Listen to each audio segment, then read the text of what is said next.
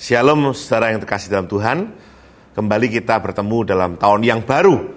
Dalam harapan baru, semangat baru tahun 2022. Puji Tuhan, saya yakin dan percaya Bapak Ibu Saudara dalam kondisi kuat, sehat dan penuh dengan semangat.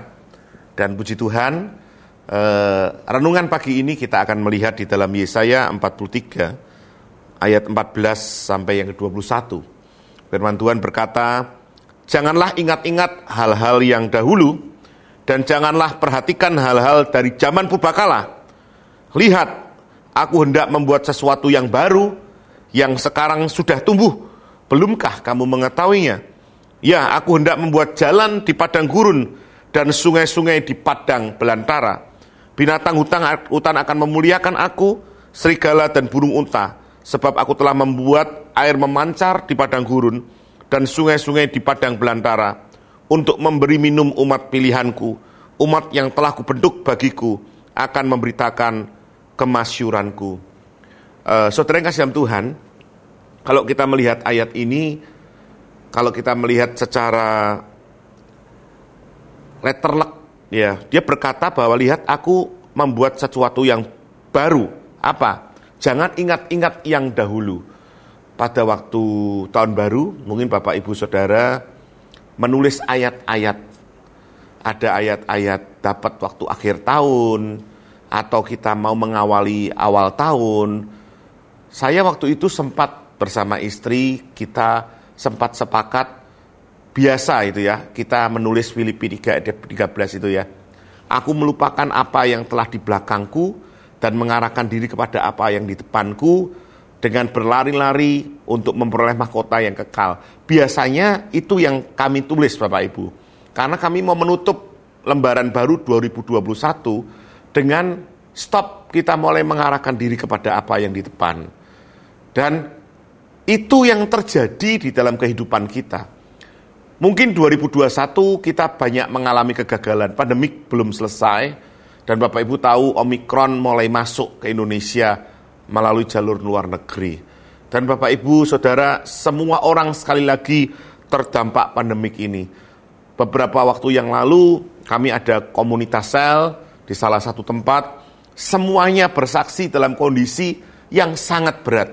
Semuanya. Tetapi dari sharing teman-teman ini, saya menangkap sesuatu kerjanya Tuhan dalam kondisi yang tertekan. Ketika mereka kondisi yang berat, mereka mengalami Tuhan di sana.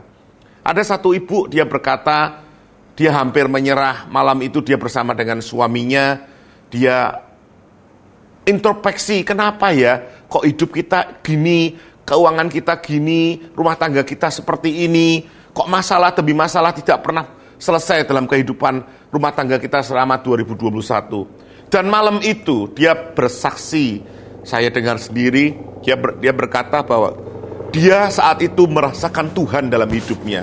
Dalam kondisi yang berat, dia merasakan Tuhan menjamah hidupnya. Dan saat ini mungkin itu yang terjadi dalam hidup kita. Saudara, 2021 mungkin saudara mengalami hal yang kurang baik, buruk.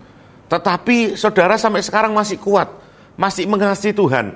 Kenapa? Karena di bawah biasanya tekanan, di situ Tuhan bekerja luar biasa. Saudara, 2022 kita tidak tahu harinya akan semakin baik atau tidak.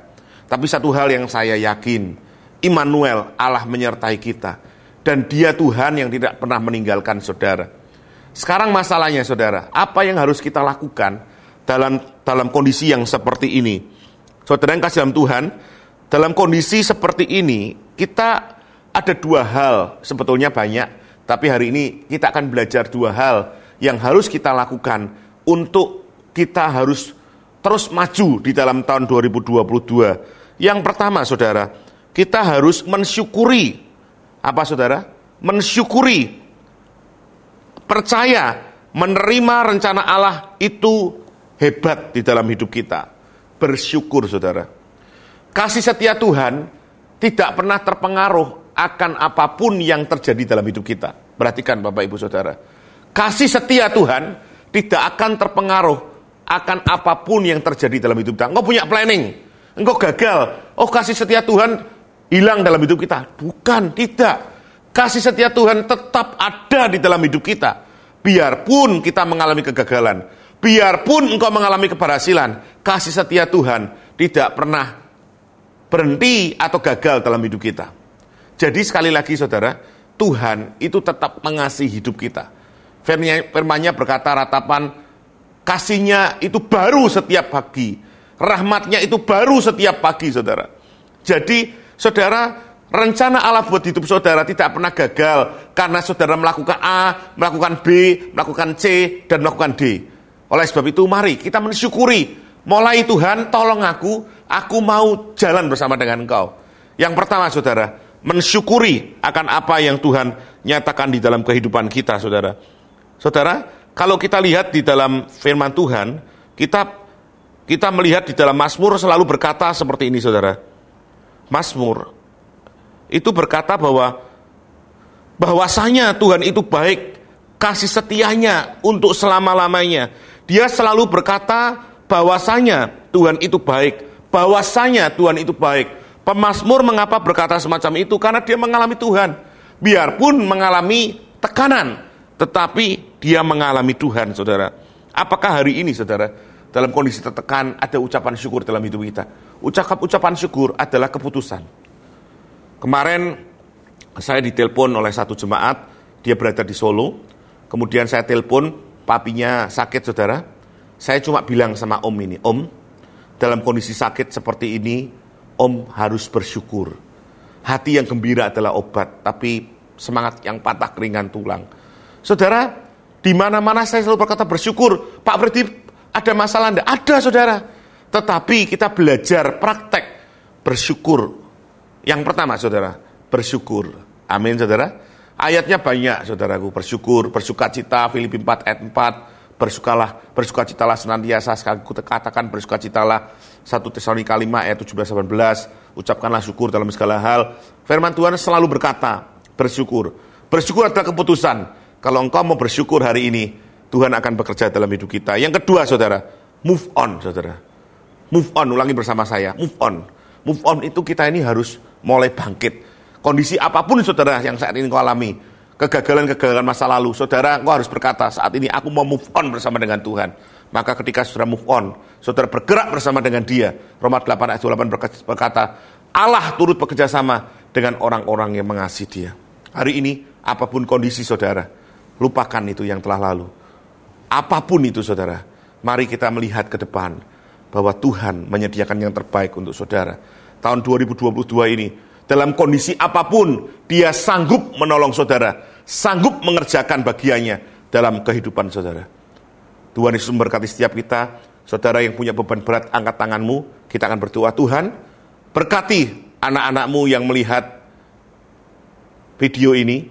Di dalam nama Yesus, tangan-tangan yang terangkat. Tuhan masalah yang terjadi. Tuhan engkau yang menolong, memberikan solusi, jalan keluar. Kami percaya bersama dengan engkau, kami bisa melalui segala masalah dan dengan penuh kemenangan di dalam nama Tuhan Yesus Kristus. Amin.